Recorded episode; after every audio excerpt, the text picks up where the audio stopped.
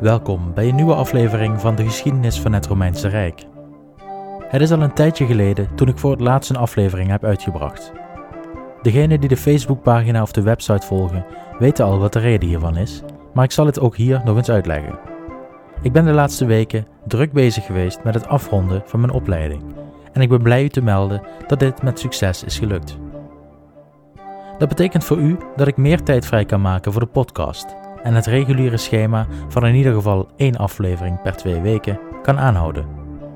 Bedankt voor het geduld en aangezien u zo lang heeft moeten wachten, laten we dan maar zo snel mogelijk beginnen met aflevering 23, de Eerste Samnitische Oorlog.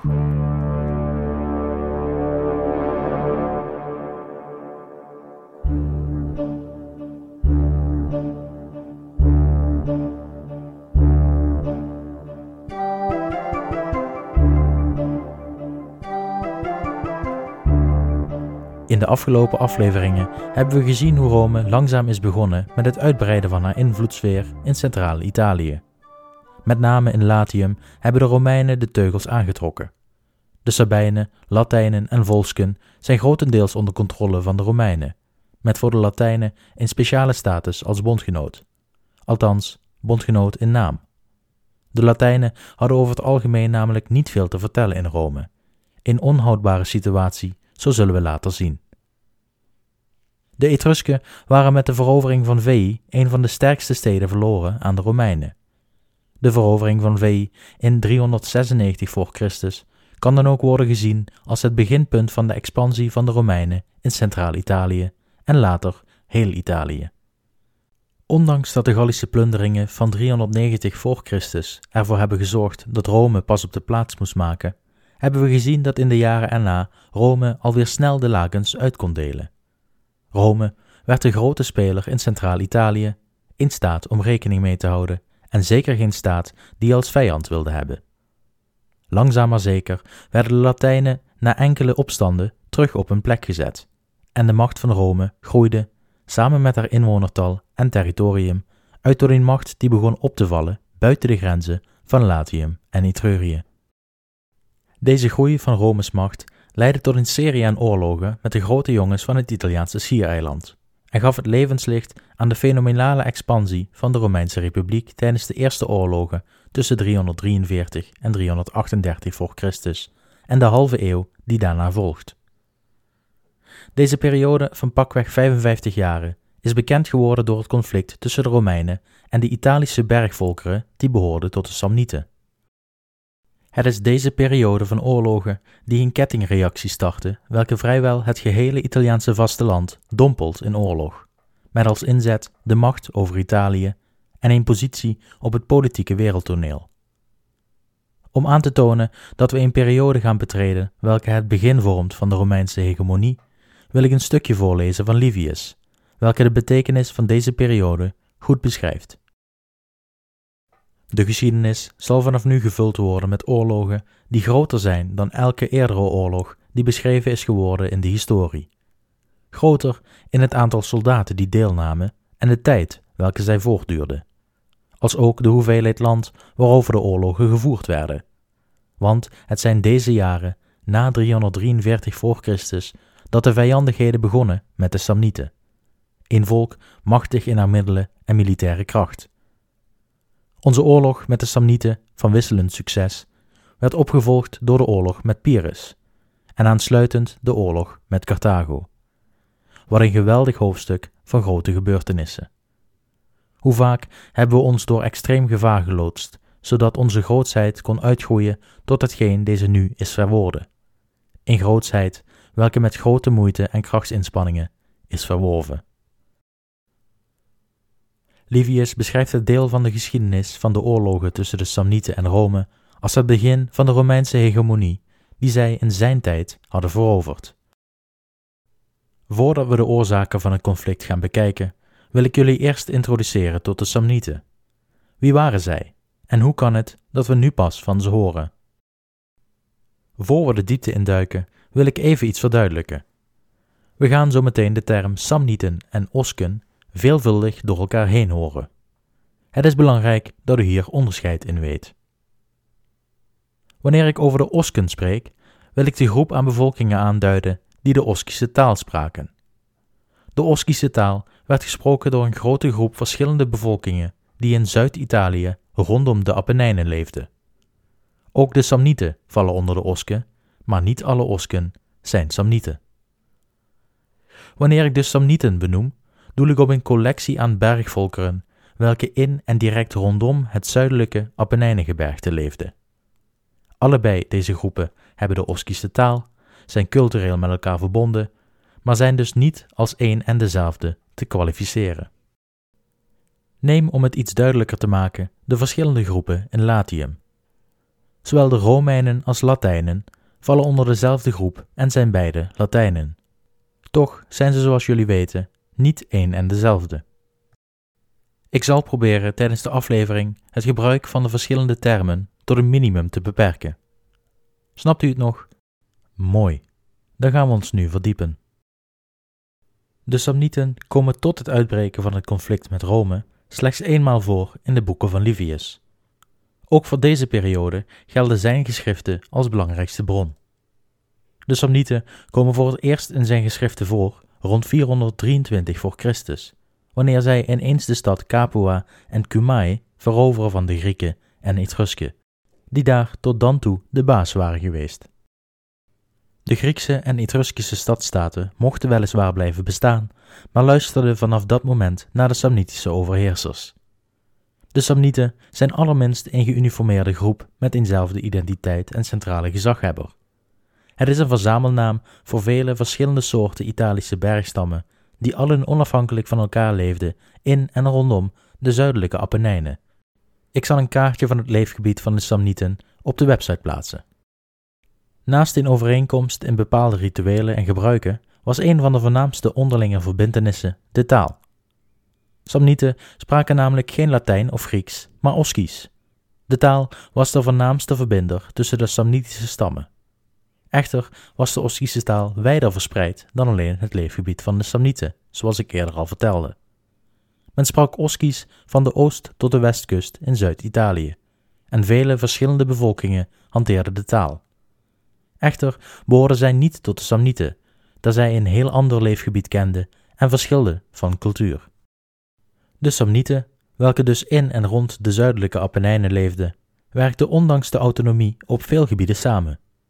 Ze dreven handel, hielden vee, deelden religie en wanneer de nood hoog was, organiseerden ze gezamenlijke rooftochten waarbij ze uit de Apennijnen neerdaalden op zoek naar de rijkdommen van de Griekse en Etruskische stadstaten in Campanië en Magna Grecia. De Samnieten stonden bekend als kundige strijders. Het moeilijke begaanbare terrein van de Apennijnen en de vele rooftochten had van de Samnieten een gehard en strijdbaar volk gemaakt, dat uitstekend uit de voeten kon op het slagveld. Daarnaast waren de Samnieten in staat ten tijde van grote crisis een legerleider te kiezen die leiding zou geven aan alle Samnitische soldaten.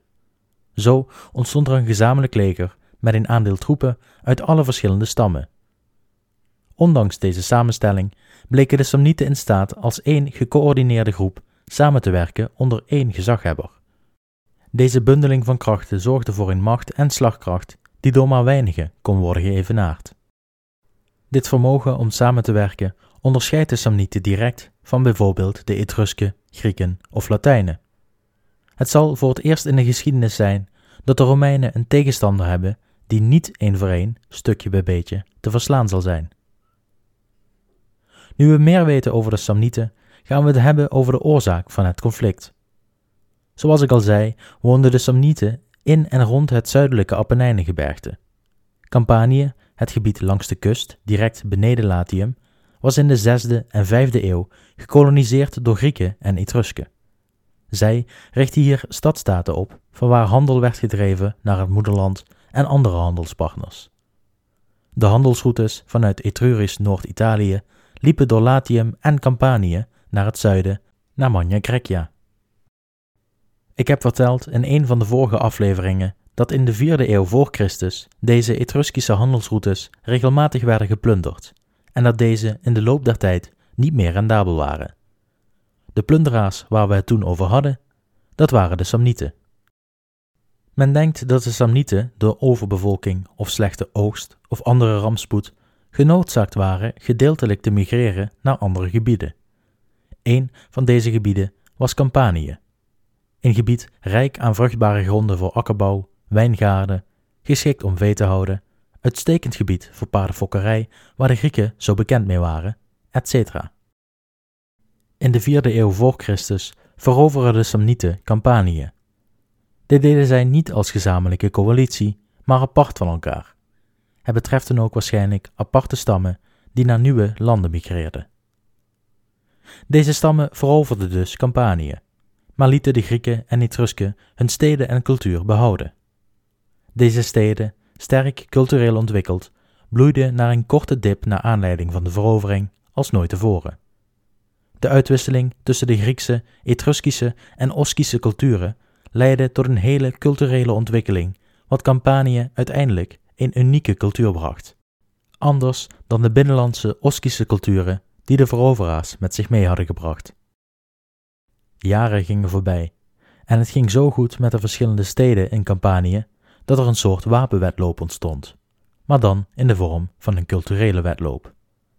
Men was verwikkeld in een felle concurrentiestrijd en de steden streden onderling om de meeste macht, aanzien en zeggenschap in Campanië. Vervreemding was het gevolg. De ene culturele stroming achtte zich superieur tegenover de andere. Er ontstonden allianties om de invloed te vergroten. Er ontstond fragmentatie onder Osken in Campanië zelf. Daarbij ontstonden er ook spanningen tussen de Griekse en Etruskische steden en hun Oskische overheersers. En, alsof dat nog niet genoeg was, waren de binnenlandse Osken, ofwel Samnieten, ook vervreemd geraakt van de Campanische Osken, die zichzelf cultureel superieur achten dan hun culturele voorgangers. Dit web aan spanningen, belangen en lust naar macht leidde uiteindelijk tot een oorlog tussen de Campaniërs, die inmiddels bestonden uit zowel Grieken, Etrusken als Osken en de Samnieten. Een conflict in de eigen gelederen, zoals die zo vaak eerder in de geschiedenis is uitgevochten. Echter veranderde alles toen de Romeinen zich ermee begonnen te bemoeien. De Romeinen hadden in het verleden een verdrag gesloten met de Samnieten over de grens tussen de Romeinse en Samnitische invloedssfeer. Rome had daar invloed in korte tijd ervoor, namelijk uitgebreid door heel Latium, en de Samnieten hadden invloed uitgebreid tot en met Campanië. Er werd besloten dat de grens tussen deze twee gebieden de rivier Liris zou zijn, welke precies op de grens tussen Campanië en Latium stroomde. Dit verdrag werd gesloten in 354 voor Christus, zo'n tien jaren voordat de oorlog uitbrak tussen de twee zwaargewichten, en bepaalde dat Rome de baas was ten noorden van de rivier en de Samnieten ten zuiden. De culturele veranderingen in Campanië waren tegen die tijd al in volle gang, en in de tien jaren erna groeiden de verschillen tussen de Samnieten in Campanië en het binnenland meer en meer uit elkaar. In 343 voor Christus brak dan ook de oorlog uit. De Samnieten vielen een Oskische stam aan, genaamd de Sidicini. Zij leefden in Noord-Campanië, dicht bij de grens met de Romeinen. De Samnieten waren op militair vlak superieur ten opzichte van hun tegenstanders, en de Sidicini wenden zich dan ook vrij snel naar de Campanische stad Capua, welke zich bij de Sidicini voegde en daarmee de oorlog verklaarde aan de Samnieten. De Samnieten versloegen de Sidicini en Campaniërs tijdens de eerste slag zonder noemenswaardige moeite. Daarna vestigde de aandacht van de Samnieten zich op de stad Capua zelf, de belangrijkste stad in Noord-Campanië. Eerst vond er een slag plaats om de heuvels rondom de stad, welke van strategisch belang waren voor de Campaniërs. De Samnieten wonnen en Capua was haar natuurlijke barrière verloren aan de vijand. Daarna marcheerden de Samnieten de heuvels naar beneden, de vlakte rond Capua in, waar een tweede slag plaatsvond. Ook hier verloren de Campaniërs van de veel sterkere Samnieten. Ze trokken zich terug achter de sterke stadsmuren van Capua. Deze stadsmuren, hoe imposant ook, waren waarschijnlijk niet opgewassen tegen de kracht van de Samnieten. En dus, toen alle hoop verloren was, richtten de Campaniërs zich op de enige andere grote macht in de buurt, Rome. De Campaniërs stuurden gezanten naar Rome om hulp te vragen tegen de Samnieten. Ze werden ontvangen door de Senaat en de gezanten spraken dat het in het belang van Rome was om de Campaniërs te helpen. Met een grote rijkdom en rijke landbouwgronden zouden ze van grote toegevoegde waarde kunnen zijn voor de Romeinen. Ze zouden zelfs helpen bij het verslaan van de Volsken, welke nog steeds een doorn in de dikke teen waren van Rome. Ze wezen erop dat niets in Rome's verdrag met de Samnieten hen belette om ook een verdrag met de Campaniërs te sluiten, en waarschuwden dat als ze dat niet zouden doen, de Samnieten Campanië zouden veroveren en dat hun kracht zou worden toegevoegd aan die van de Samnieten in plaats van die van de Romeinen.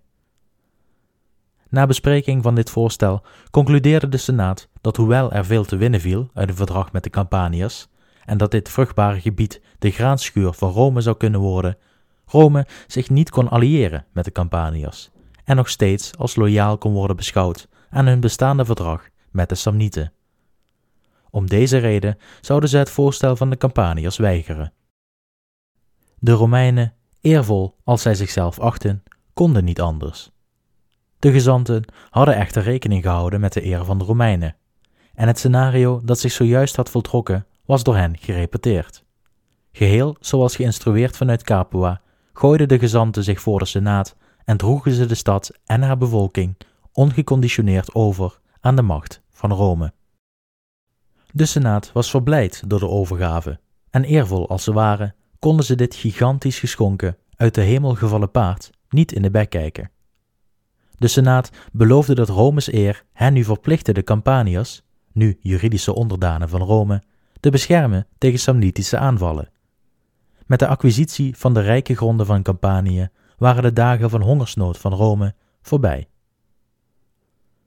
Afgezanten werden met de instructies naar de Samnieten gestuurd om hen te verzoeken, met het oog op een wederzijdse vriendschap met Rome, het grondgebied te sparen dat nu het officiële bezit was van Rome. En als dit niet werd opgevolgd, om hen te waarschuwen hun handen van Capua en het grondgebied van Campanië af te houden. De Romeinse afgezanten brachten het bericht aan de nationale vergadering van de Samnieten. Het antwoord van de Samnieten was te verwachten. De gezanten werden uitgelachen en niet alleen verklaarden de Samnieten hun voornemen om oorlog voor te zetten tegen Capua, enkele gezaghebbende Samnieten verlieten zelfs de raadzaal om de legerleiding op een dusdanig luide toon toe te spreken dat het in de raadzaal voor de Romeinen te horen was. Ze bevalen hun legers onmiddellijk te marcheren en Campanië te verwoesten. Niets of niemand zou nog overeind blijven. Toen dit nieuws Rome bereikte, stuurden de Romeinen zoals gebruikelijk enkele priesters om een laatste poging te doen de boel te sussen, zonder resultaat. Het verbreken van het verdrag door de Samnieten, door het bevel rechtmatig verkregen Romeins grondgebied aan te vallen, konden de Romeinen simpelweg niet onbestraft laten. De Romeinen hadden geen andere keus de oorlog te verklaren aan de Samnieten. Dit deden ze dan ook in hetzelfde jaar, 343 voor Christus.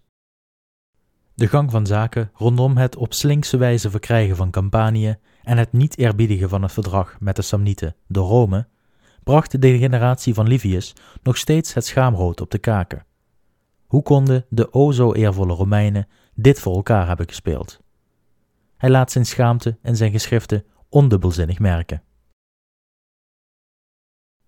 De oorlog kon beginnen. De consuls van dit jaar waren Aulus Cornelius Cossus en Marcus Valerius Corvus, een man uit de gelederen van Romeinse helden. Hij was een lid van een van de belangrijkste families uit de Romeinse geschiedenis, de gens Valeria, de familie die voortkwam uit niemand minder dan de grote Marcus Valerius Publicola. Zijn agnomen Corvus, wat raaf betekent, had hij verkregen tijdens zijn imposante militaire carrière. Corvus nog soldaat ten tijde van zijn heldendaad, was op campagne in Noord-Italië om de Galliërs te verdrijven. Op het moment dat er een veldslag op het punt stond uit te breken, stapte een gigantische Galliër naar voren uit de vijandige linies. Hij daagde de Romeinen uit om het tegen hem in een één-op-één gevecht op te nemen. Degene die zich geroepen voelde, moest naar voren stappen. Corvus spoedde zich direct naar zijn consuls en hij kreeg permissie. Hij nam de uitdaging van de kolossale barbaar aan. De jonge Marcus Valerius stond tegenover de Galliër toen een raaf verscheen en op zijn schouder landde. Een duidelijk teken dat de goden Marcus goedgezind waren. De Gallier gaf ook betekenis aan de raaf, maar zette het duel toch voort. Toen de twee op elkaar afstormden, bleef de raaf tegen alle hoop van de Gallier op de schouder van Marcus zitten. Sterker nog, toen de twee op zwaardlengte van elkaar kwamen, verliet de raaf de schouder om recht op het gezicht van de Gallier af te vliegen. Al krassend viel de raaf het gezicht van de Gallier aan, met zijn puntige snavel pikkend naar de ogen van de barbaar. Terwijl de barbaar bezig was de raaf in paniek van zich af te slaan, kliefde Marcus de barbaar met zijn zwaard. Hij doodde zijn tegenstander. Gesterkt door het duidelijk goddelijke teken, voegden de Romeinse rangen zich naast Marcus en vielen zij de Gallische linies aan. De Romeinen wonnen de veldslag van de verbouwen reerder Galliërs zonder slag of stoot. Dit verhaal, weliswaar aangedikt, is het begin van een prachtige carrière van de toen 22-jarige Marcus Valerius, welke hierna zijn agnomen Corvus kreeg toegedicht. Hij zal in totaal zes keer consul zijn van Rome, waarvan de eerste keer op de zeer ongebruikelijke jonge leeftijd van 23 jaar.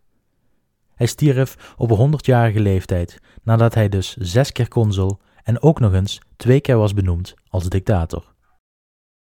Terug naar het onderwerp van deze aflevering. Rome stuurde de twee consuls op oorlogspad tegen de Samnieten. Corvus werd naar Campanië gestuurd om de Samnieten aldaar te verdrijven en Capua te redden. Cossus werd Samnium ingestuurd, de naam die de Romeinen hebben gegeven aan het moederland van de Samnieten, het gebied in en rond de zuidelijke Apennijnen. De twee consuls dachten de oorlog snel tot een succesvol einde te kunnen brengen. De Romeinse oorlogskunde was immers ongeëvenaard gebleken in het verleden. Deze bergvolkeren waren geen partij voor de machtige Romeinse soldaat. Het eerste gevecht vond plaats tussen Valerius Corvus en de Samnieten rond de berg Gaurus, nabij Cumae in Campanië. De Samnieten hadden de bulk van hun legers naar Campanië gestuurd, omdat ze dachten dat dit de plek zou zijn waar de oorlog werd uitgevochten. Corvus stond dus tegenover een veel sterker leger dan waarop hij had geanticipeerd. Valerius sloeg zijn kamp op op de berg Gaurus. Na het testen van de sterkte van zijn vijand door een paar dagen met licht bewapende speerwerpers de Samnieten te bestoken, bereidde Valerius het Romeinse leger voor op de strijd. De Romeinen trokken het kamp uit in gevecht tegemoet. De slag begon en de strijd duurde al een tijdje, met de twee zijden gelijkmatig in kracht, waardoor geen van beiden de overhand kon krijgen. Valerius Corvus beval daarom zijn cavalerie een charge uit te voeren in een poging de Samnitische linies te doorbreken. De aanval mislukte en de Romeinse cavalerie moest zich terugtrekken. Toen de Romeinse cavalerie zich terugtrok, besloot de inmiddels afgestegen Valerius om een infanterieaanval persoonlijk te leiden. Maar wederom braken de Samnitische linies niet, terwijl de aanval de Romeinen vreselijke verliezen had bezorgd. De strijd had nu een lange tijd geduurd en het daglicht was aan het vervagen. De Romeinen, uitgeput, maar gevoed door woede en teleurstelling, probeerden nog een laatste krankzinnige aanval. Dit bleek een gouden greep. Uiteindelijk vluchtten de Samnieten en niet veel Samnieten zouden het overleefd hebben als het vallen van de avond geen einde aan de achtervolging had gemaakt. Toen hen werd gevraagd waarom ze uiteindelijk waren gevlucht, antwoordden Samnieten dat het de ogen van de Romeinen waren die naar hun mening in vlammen opgingen, samen met een furieuze uitdrukking en waanzinnige glans. In de nacht vertrokken de Samnieten en volgden de Romeinen om het kamp van de vijand de volgende dag in bezit te nemen. Alle Campaniërs uit de omgeving kwamen die dag uit de stadsmuren naar buiten om de Romeinen te feliciteren met hun overwinning. De tweede veldslag van de oorlog vond, net als de eerste en de derde veldslag, plaats in het eerste jaar van het conflict, in 343 voor Christus. Aulus Cornelius Cossus, de andere consul, marcheerde met zijn leger rond Saticula, een Samnitische stad in Campanië.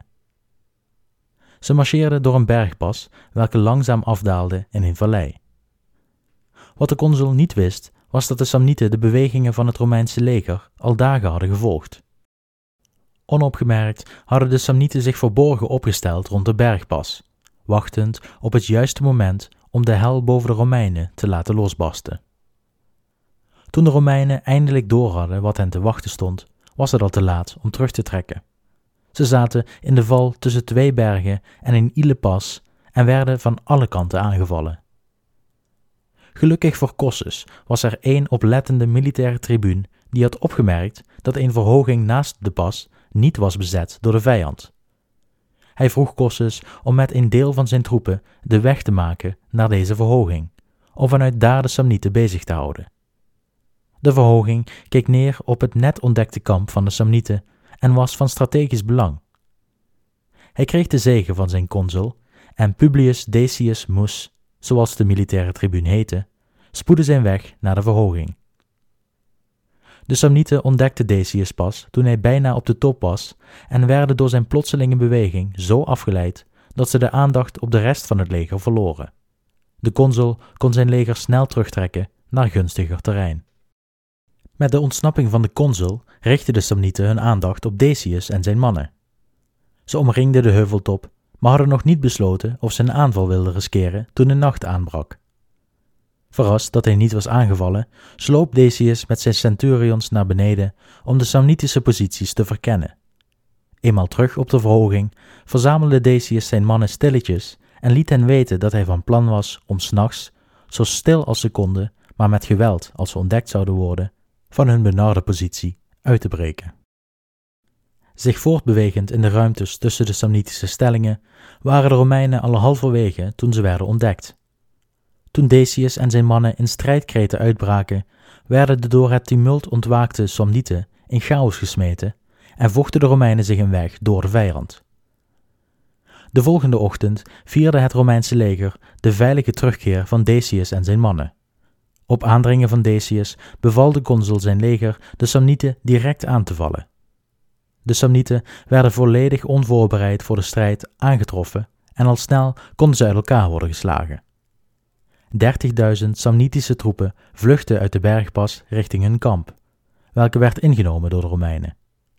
Het kamp werd verwoest en naar verluid zouden alle 30.000 Samnieten zijn gedood. Decius werd meermaals gedecoreerd voor zijn heldendaad. Hij ontving onder meer tweemaal de graskroon. Eenmaal voor het redden van het hele leger en vervolgens voor het redden van zijn eigen mannen. De graskroon was de meest prestigieuze en eervolle militaire onderscheiding in de Romeinse Republiek en later het Romeinse Rijk.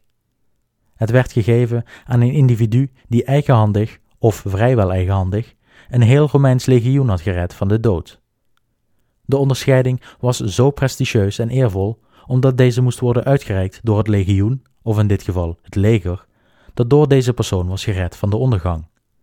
En er moest heel wat gebeuren voordat een trotse Romeinse soldaat kon toegeven dat hij gered moest worden van de dood. De overwinning was de Samnieten op knullige wijze uit de vingers geglipt. Gebrand om de oorlog alsnog te winnen, verzamelden de Samnieten alle manschappen die ze konden verzamelen en men haastte zich naar Suessula, een Campanische stad aan de oostgrens met Samnium. Toen het nieuws hiervan Valerius bereikte in Capua, liet hij een sterke troepenmacht achter om zijn kamp en bagage te beschermen en beval hij een gedwongen mars van zijn overige leger naar Suessula. Eenmaal daar vestigde hij zijn kamp vlak bij de vijand. Aangezien hij geen bagage of kampvolgers had meegenomen, was zijn kamp veel kleiner dan normaal. De Samnieten vormden zo snel mogelijk strijdlinies en marcheerden naar het Romeinse kamp, in de veronderstelling dat er spoedig een gevecht zou plaatsvinden. Toen de Samnieten leerden van hun verkenners van de kleine omvang van het Romeinse kamp, dachten ze dat slechts een kleine Romeinse strijdmacht tegenover hun stond. De Samnitische soldaten wilden het Romeinse kamp meteen aanvallen, maar werden hiervan weerhouden door hun generaals. Vanwege hun grote aantal en lang verblijf buiten Suessula waren de Samnieten nu bijna door hun voorraden heen. Door de kleine omvang van het kamp geloofden de Samnieten dat de Romeinen te verzwakt waren om het op te nemen tegen de Samnieten buiten het kamp, en dat de voorraden in het kamp, doordat deze zo klein was, ook bijna op zouden moeten zijn. Met in het achterhoofd een verzwakt Romeinse tegenstander bevalen de Samnitische generaals in deel van het leger op zoek te gaan naar voedsel op de nabije akkers. Valerius Corvus hield de bewegingen van de Samnieten vanuit zijn kamp nauwlettend in de gaten, en toen hij zag dat het leger van de vijand zich had opgedeeld om voedsel te verzamelen, beval hij een aanval op het Samnitische kamp. De aanval was een doorslaand succes, en het kamp werd met de eerste poging veroverd. Hij liet twee legioenen achter om het Samnitische kamp te behouden en vervolgde met de rest van het leger de strijd tegen de verspreide Samnieten. De overige Samnieten werden opgespoord en aangevallen. Ze werden afgeslacht en de soldaten die konden vluchten, deden dat massaal. De Romeinse buit bedroeg 40.000 tijdens de vlucht achtergelaten Samnitische schilden, een aantal veel groter dan de gedode soldaten, en 170 legerstandaarden, van grote symbolische waarde. De omvang van het conflict was tot ver buiten Campanië doorgedrongen, en de Carthagers, waarmee Rome op dit moment een vriendschappelijk verdrag hadden gesloten omwille van de handel, feliciteerden de Romeinen met een overwinning door een 25 pond wegende gouden kroon aan Rome te schenken om in de tempel van Jupiter te plaatsen. Toen het oorlogsseizoen tot een eind kwam en de steden Capua en Suessula gered waren van de ondergang, vroegen deze steden om een troepenmacht om hen te beschermen tegen Samnitische invallen tijdens de winter.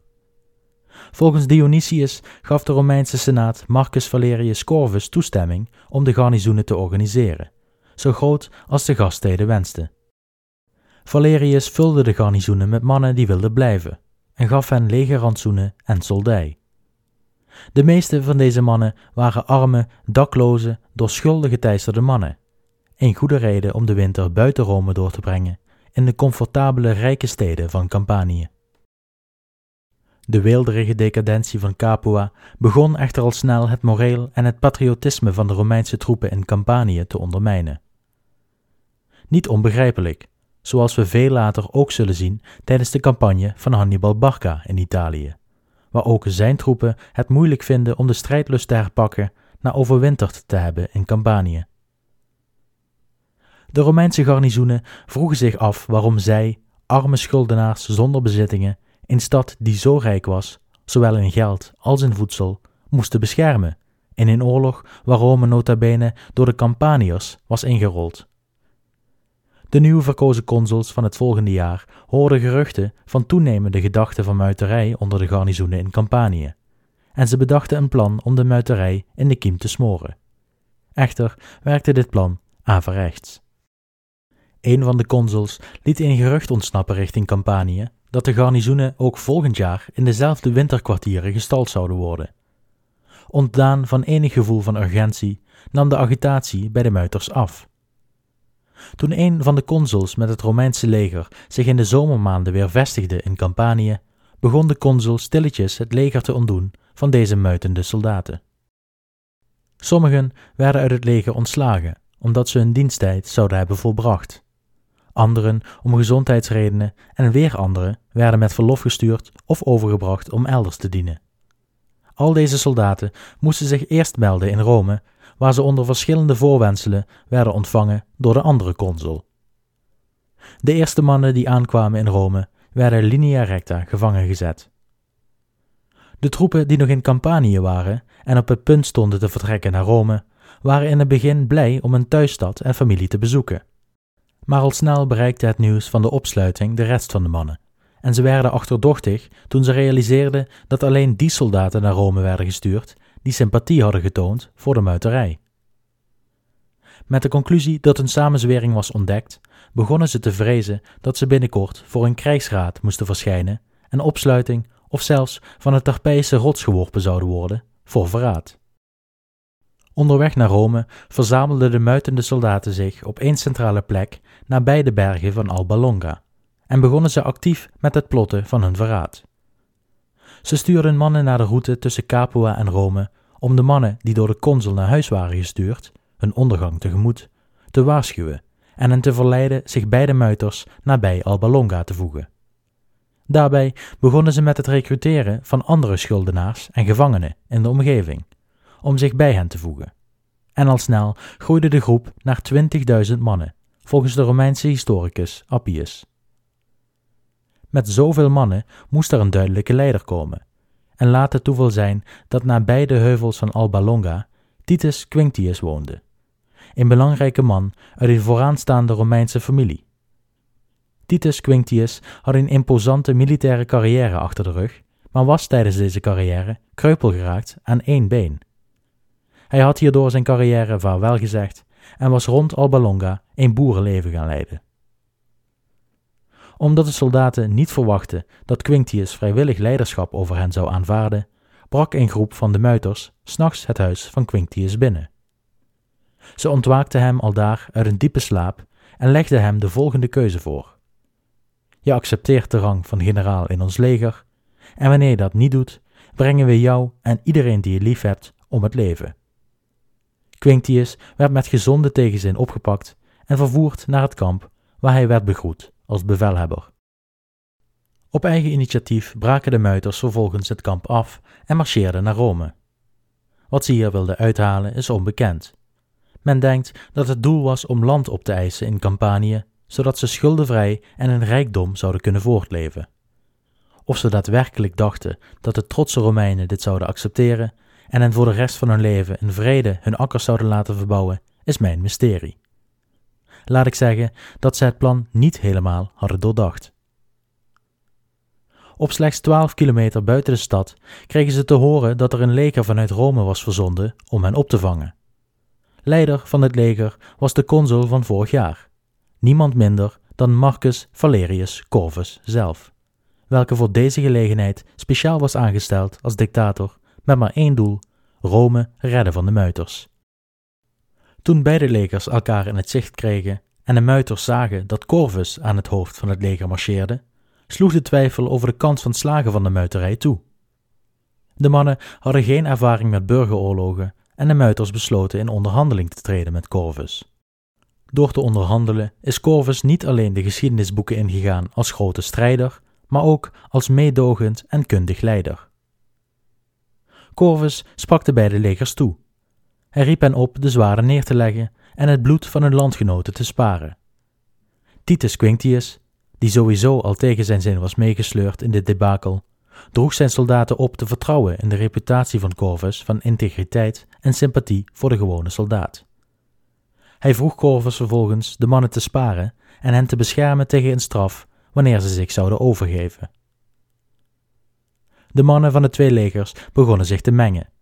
De muiters klaagden dat een rebellie veroorzaakt was door de zware schulden waaronder zij te lijden hadden in Rome.